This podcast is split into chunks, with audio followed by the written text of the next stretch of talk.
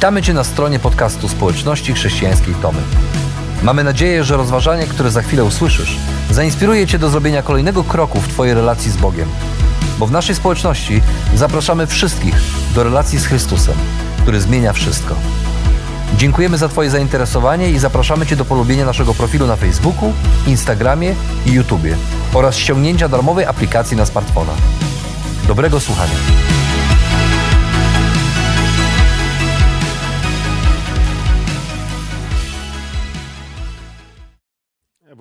Każdego dnia, kiedy codziennie idziesz do pracy, do szkoły, e, we wszystkie te miejsca, kiedy, a, gdzie zdążamy, mijamy ludzi, siedzą z nami w w środkach komunikacji miejskiej, mijamy ich na ulicy, pracują z nami, uczą się z nami, są wokół nas.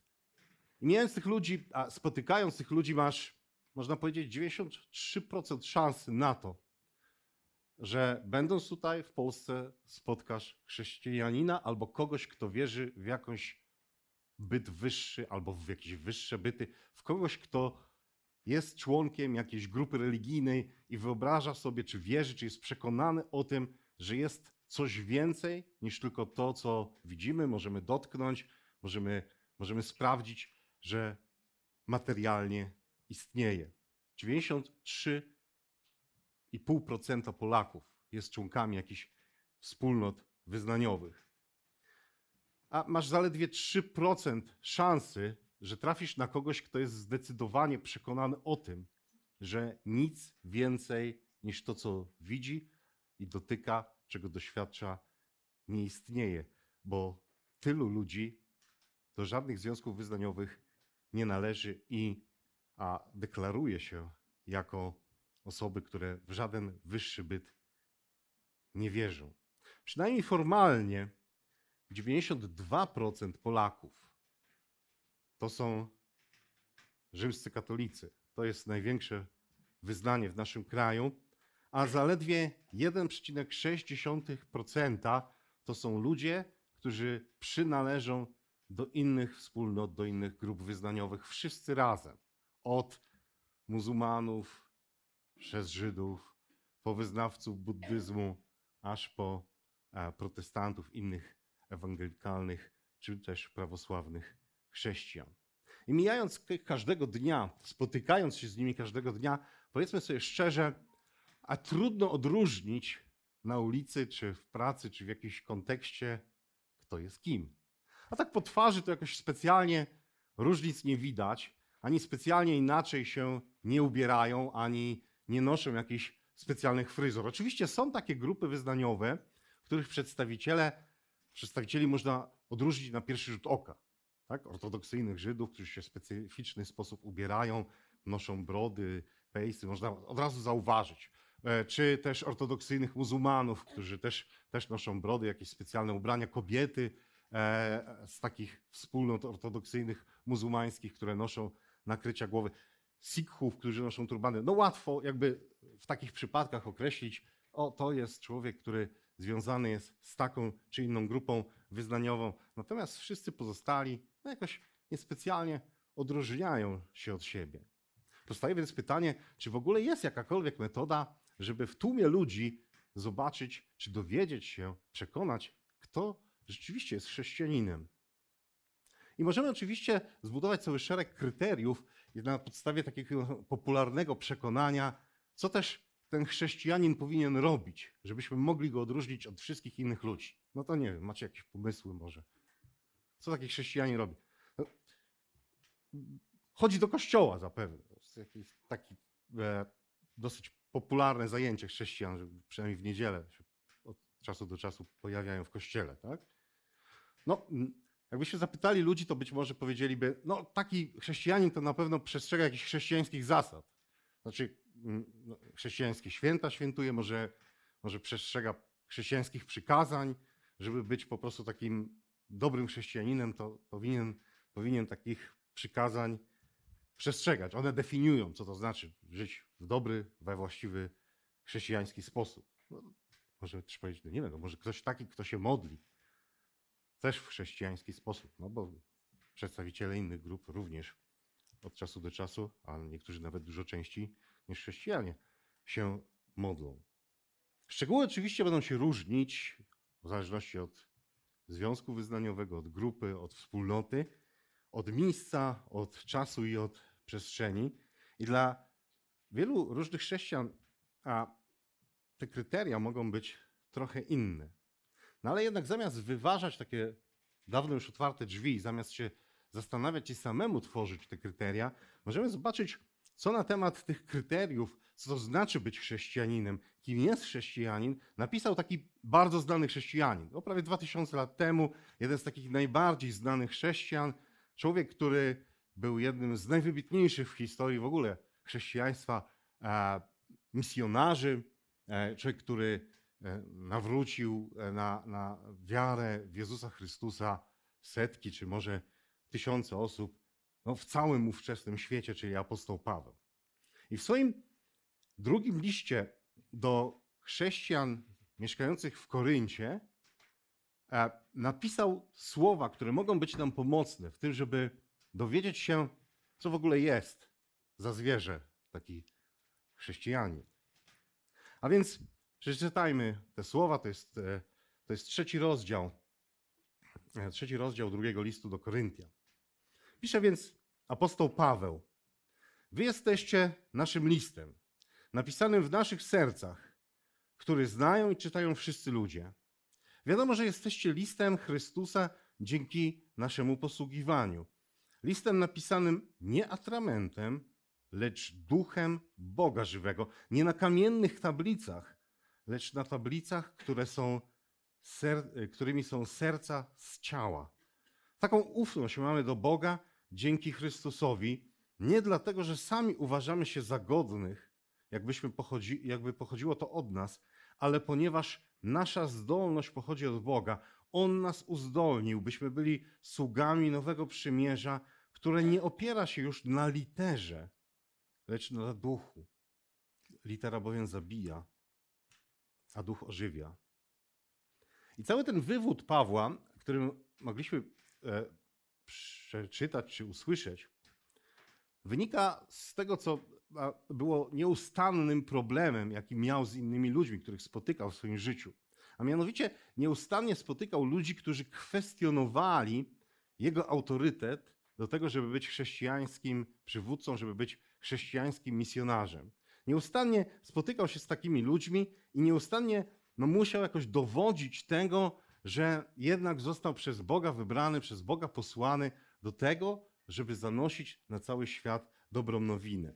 I w tym przypadku Paweł postanowił zrobić to, co e, często robią na przykład firmy budowlane.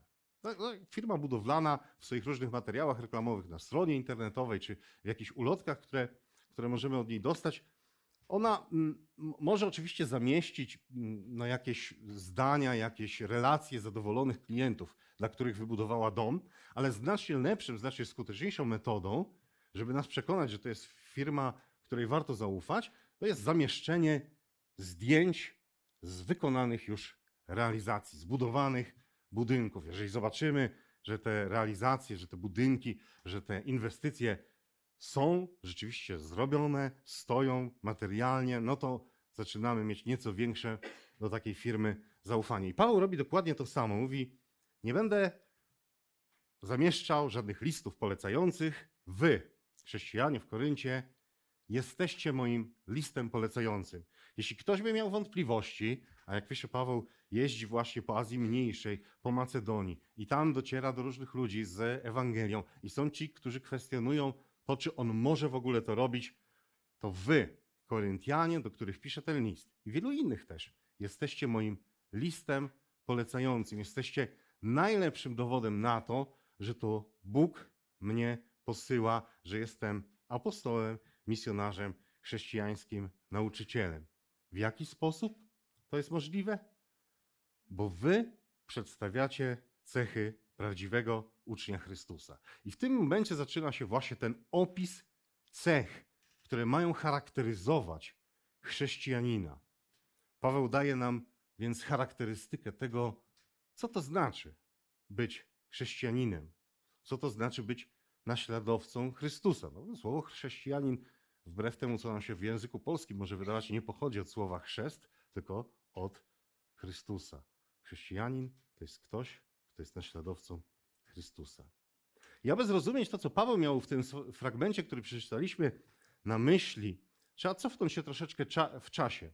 No, setki lat w czasie tak naprawdę, do, do tego momentu, kiedy naród izraelski w ogóle powstawał jako naród, kiedy to Bóg poprzez Mojżesza wyprowadził go z niewoli egipskiej. Wyprowadził ich na pustynię, dotarli pod górę Synaj i tam Bóg postanowił za pośrednictwem Mojżesza nadać im prawo, zbiór zasad, którymi mają się e, kierować w relacjach pomiędzy nimi a Bogiem i w relacjach pomiędzy nimi i innymi ludźmi. 613 przykazań, które, z których najlepszym streszczeniem, takim abstraktem jest te tak zwane 10 słów, 10 przykazań zapisanych pierwotnie przez Boga na kamiennych tablicach. No, problem polega na tym, że zanim Mojżesz szedł do tych ludzi, żeby przedstawić im te Boże zasady, to oni już zdążyli je złamać. W związku z czym e, w chwili uniesienia te pierwotne tablice zostały zniszczone, trzeba było wykonać wtórniki, ale ostatecznie to one stały się takim symbolem Bożego prawa. Wszystkich zasad, które regulować miały ludzi przymierza. Naród, który zawarł z Bogiem przymierze. Naród, który przez Boga został wybrany, który przez Boga został ocalony z niewoli Egiptu, który przez Boga był prowadzony. Wszystkie 613 zasad, które regulować miały rozmaite aspekty ich życia. No ale jak już mówiłem, on ledwo zszedł, a oni już je złamali. I potem przez całą historię relacji Boga z jego wybranym ludem, oni je ciągle łamali. Nie dlatego, że oni są jacyś wyjątkowo źli. Gdybyśmy byli na ich miejscu, prawdopodobnie robilibyśmy to samo, no bo taka jest właśnie nasza natura. Lubimy łamać Boże zasady. I od samego początku Bóg posyłał do nich specjalnych ludzi, proroków, którzy nawoływali do tego, żeby trzymali się tych zasad. Oni się ich nie trzymali, a ci prorocy zapowiadali, że kiedyś nastąpi taki czas, przyjdzie taki moment, że te Boże zasady już nie będą wypisane na tych kamiennych tablicach, że te Boże zasady zostaną wypisane w ich sercach. Tak prorok Ezechiel pisał: Dam im jedno serce, nowego ducha włożę ich wnętrze, usunę z ich ciała serce kamienne, daj mi im serce cielesne, aby postępowali według moich nakazów, przestrzegali moich praw i je wypełniali. A prorok Jeremiasz pisał: Moje prawo umieszczę w ich wnętrzu, wypiszę ich na ich sercach. Dla nich będę Bogiem, a oni będą dla mnie ludem. Wszystko to było zapowiadane setki lat, zanim to się stało. I teraz Paweł do tych Koryntian pisze: Te zapowiedzi stały się rzeczywistością. Jak rozpoznać chrześcijanina? Chrześcijanin to jest właśnie ten, który ma prawo Boże wypisane nie na kamiennej tablicy, nie na papirusie, nie w książce i nie w tablecie, ma je wypisane w sercu ręką Ducha Świętego. Kreśli więc przed nimi niejako dwa obrazy, konkurujące ze sobą przez ostatnie dwa tysiące lat historii Kościoła. Jeden obraz to jest obraz człowieka, który trzyma się Bożych przykazań, wypisanych na tych kamiennych tablicach, na papirusie, w księgach, w tabletach, w telefonach, w jakiejkolwiek innej formie. To jest człowiek, który robi wszystko, żeby te przykazania zachować. Problem w tym, że to nigdy się nie udaje.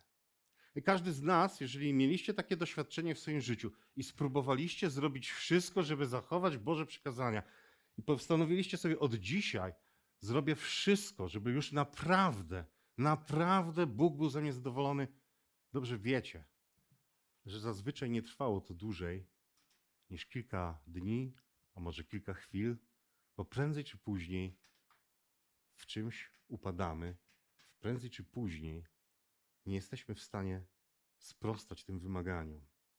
I drugi obraz, jaki przed nimi kreśli, to jest człowiek, w którego sercu jest wypisana Boża wola. To jest człowiek, który nie robi wszystkiego tego, żeby tylko wszystkim literkom być w stanie sprostać, tylko człowiek, którego serce Bóg włożył chęć, potrzebę życia zgodnie z Bożą wolą i którego Duch Święty przygotowuje do tego i uzdatnia do tego, żeby tak móc żyć. To jest trochę jak, jak e, być może pamiętacie taki film Milosza Formana pod tytułem Amadeusz. A w tym filmie tak naprawdę spotykamy nie tylko Amadeusza, ale dwóch kompozytorów. Jeden nazywał się Salieri, Antonio Salieri. Był, był takim kompozytorem nadwornym cesarza e, Józefa II.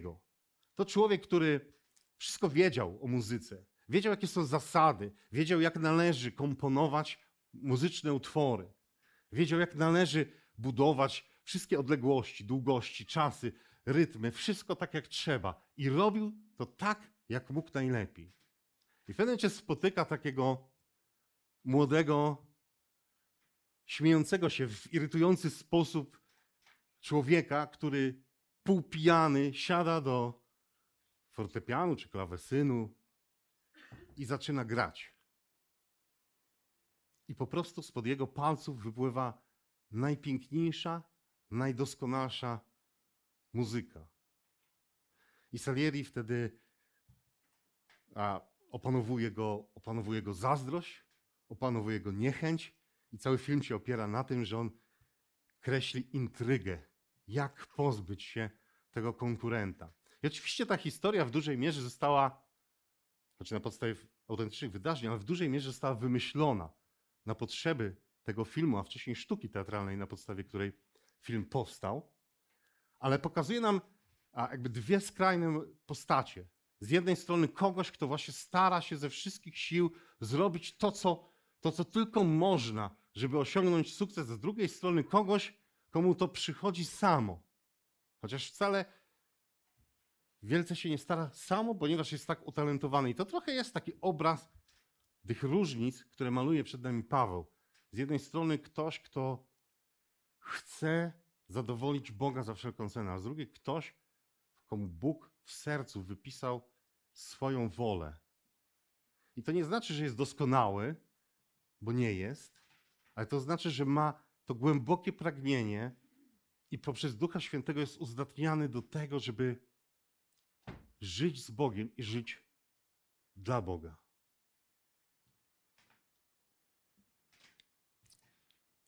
Bo jak pisze Paweł, duch wzbudza w takim człowieku pragnienie i uzdatnia do tego, żeby żył zgodnie z Nowym Przymierzem. Litera zabija, duch ożywia.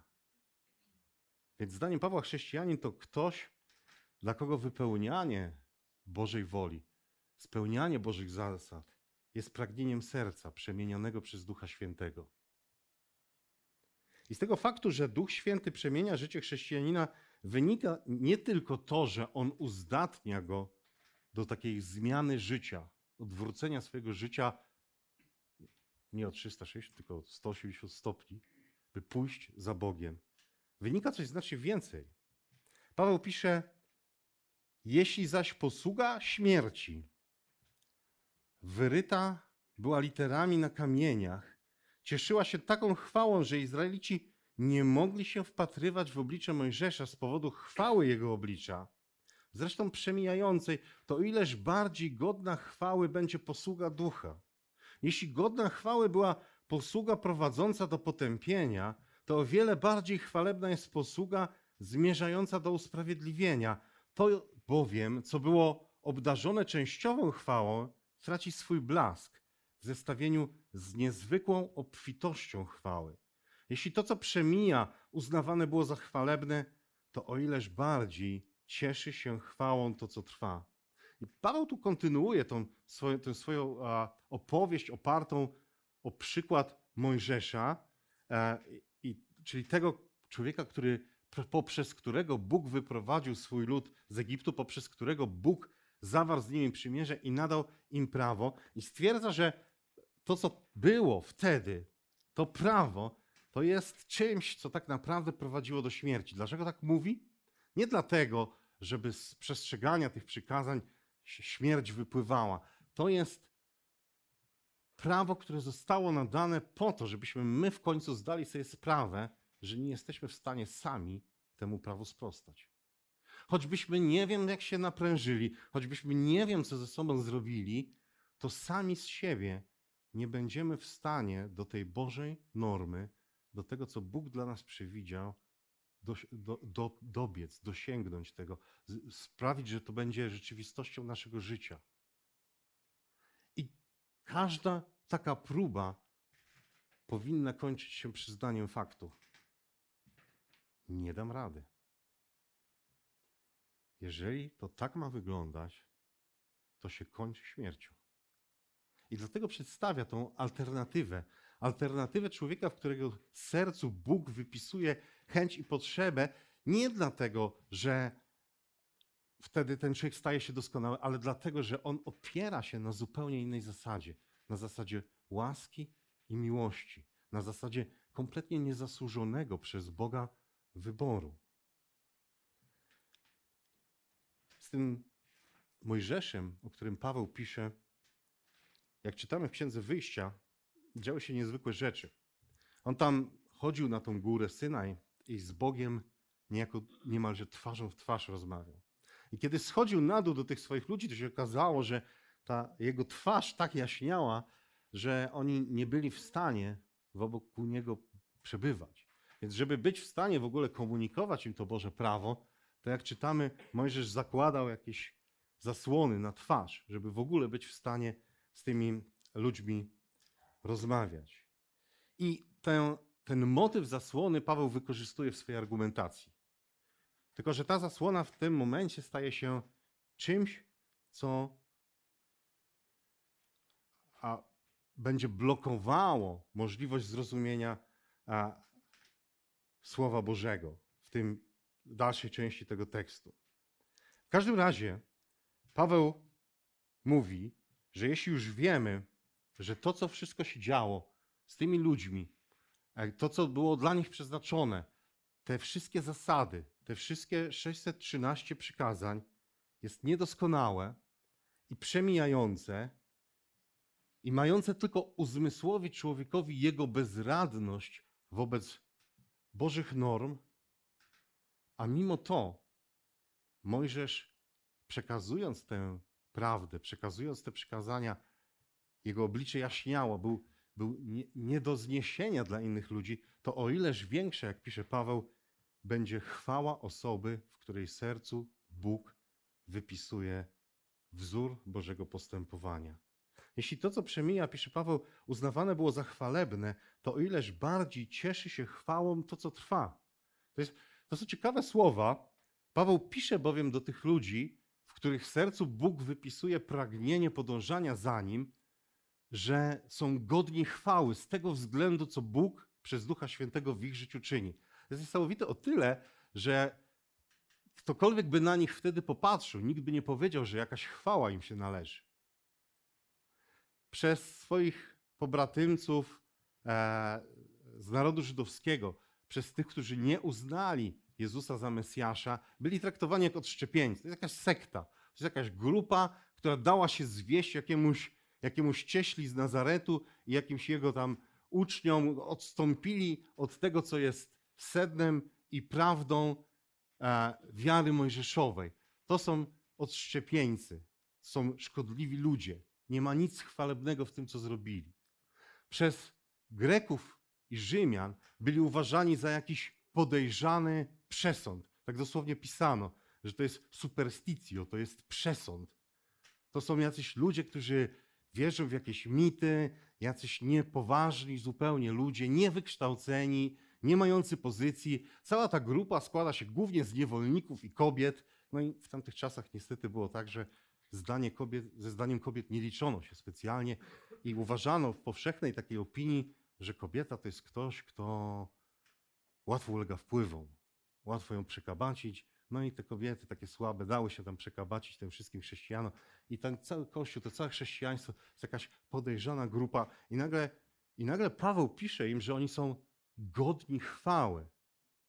Godni chwały nie ze względu na to, że są jakichś wyjątkowych przymiotów sami z siebie, ale godni chwały ze względu na to, że Bóg poprzez Ducha Świętego odciska swoje słowo w ich sercu.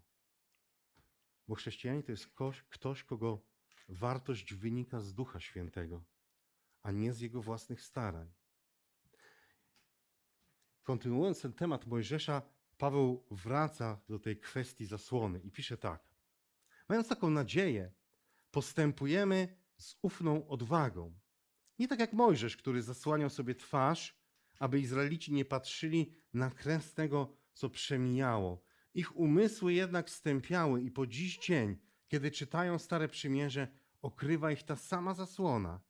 Nie zostaje ona zdjęta, gdyż przemija ona w Chrystusie. Do dzisiaj, gdy czytają Mojżesza, zasłona zakrywa ich serca, chociaż on, kiedy zwracał się do Pana, zdejmował zasłonę. Pan jest duchem. A gdzie jest duch Pana, tam jest wolność. My wszyscy odzwierciedlamy w naszej odkrytej twarzy chwałę Pana i jesteśmy przemienieni na ten sam obraz, zyskując coraz większą chwałę za sprawą Pana, który jest duchem.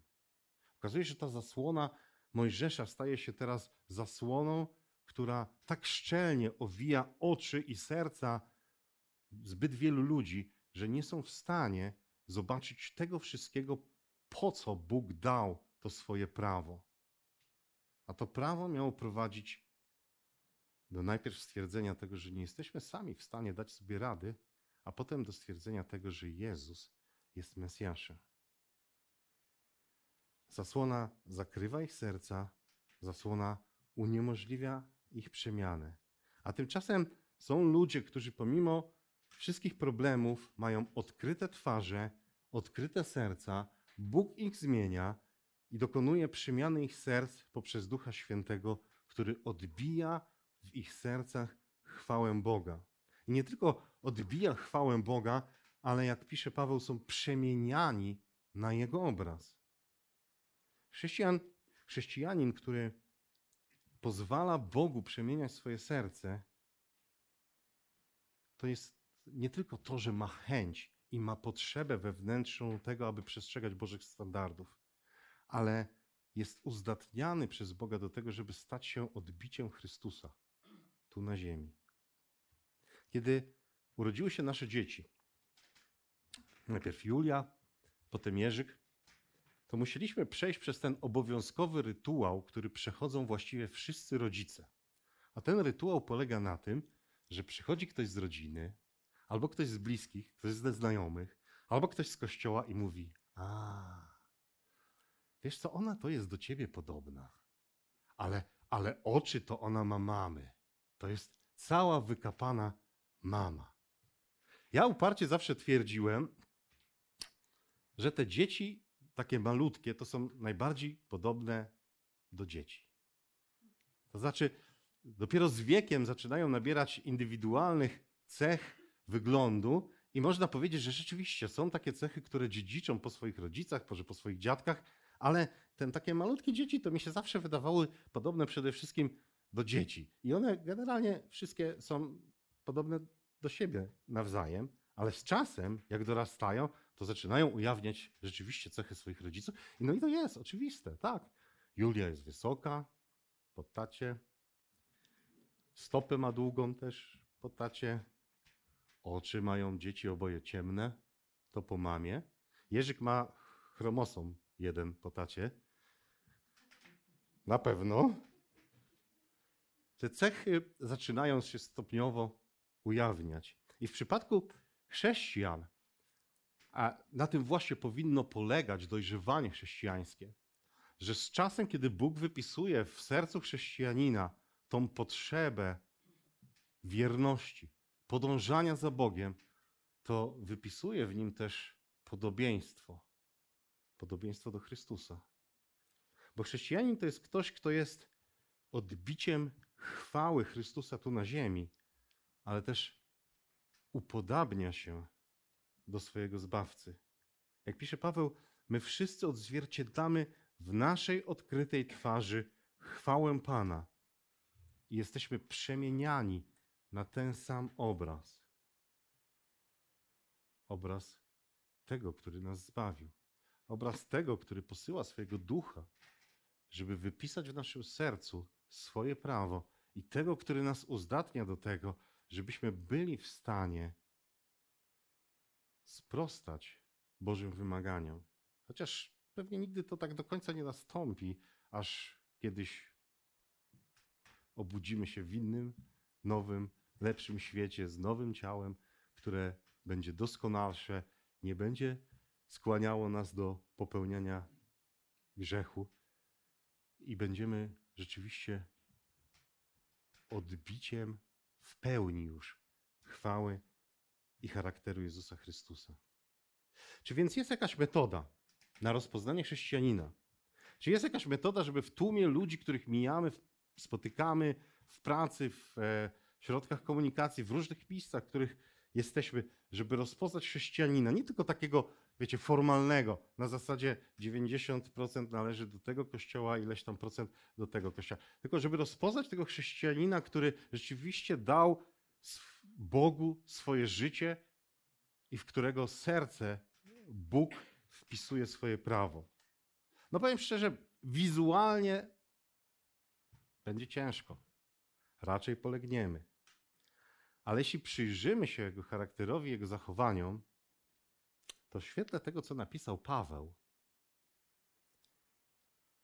te cechy, które my często byśmy chcieli traktować jako takie wyraźne wskaźniki, no, że chrześcijanin to przestrzega tych przykazań, chodzi do kościoła, robi takie rzeczy czy inne rzeczy, one mają w gruncie rzeczy drugorzędne znaczenie, bo podstawowe znaczenie ma przemiana na podobieństwo Jezusa Chrystusa. Ma działanie Ducha Świętego, który zmieniać powinien nasze serca. Jeśli tylko się na niego otwieramy, jeśli tylko mu pozwalamy na to, żeby w naszym sercu swoją boską, świętą ręką wypisywał swoje słowo. Więc jeśli decydujesz się na bycie częścią tego Bożego ludu, to Bóg obdarza cię swoją chwałą i wkłada w twoje serce Ducha Świętego, który pomaga ci stawać się odbiciem Chrystusa dla ludzi wokół ciebie.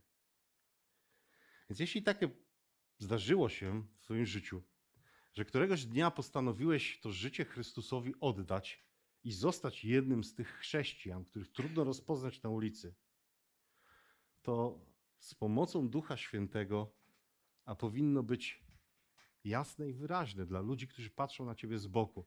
Nie dzięki strojom, nie dzięki fryzurom, nie dzięki jakimś zewnętrznym znakom, ale dzięki miłości, którą masz w sercu, miłości, która jest w stanie zostawić to, co masz, po to, żeby przyjść do drugiego człowieka. Skromności, która zawsze na pierwszym miejscu każe ci widzieć Boga i która skłania cię do tego, żeby nie myśleć o sobie więcej niż, niż rzeczywiście jesteś, żeby poświęcać to, co masz, swoją pozycję, żeby być w stanie pochylić się nad drugim człowiekiem. Ofiarności i oddania, które sprawi, że jesteś w stanie zejść ze swojego nieba do ludzi, do których Bóg cię posyła. Wszystko to co było cechami Jezusa Chrystusa. Jeśli więc decydujesz się na to, żeby być częścią tego Bożego ludu, żeby być tym chrześcijaninem, jeżeli oddajesz Bogu swoje życie, to On obdarza Cię swoją chwałą, a nie tylko chwałą. W Twoje serce wkłada swojego Ducha Świętego, żeby pomóc Ci stać się odbiciem Twojego Zbawcy, Jezusa Chrystusa i reprezentować Go tutaj, na ziemi, dla innych ludzi.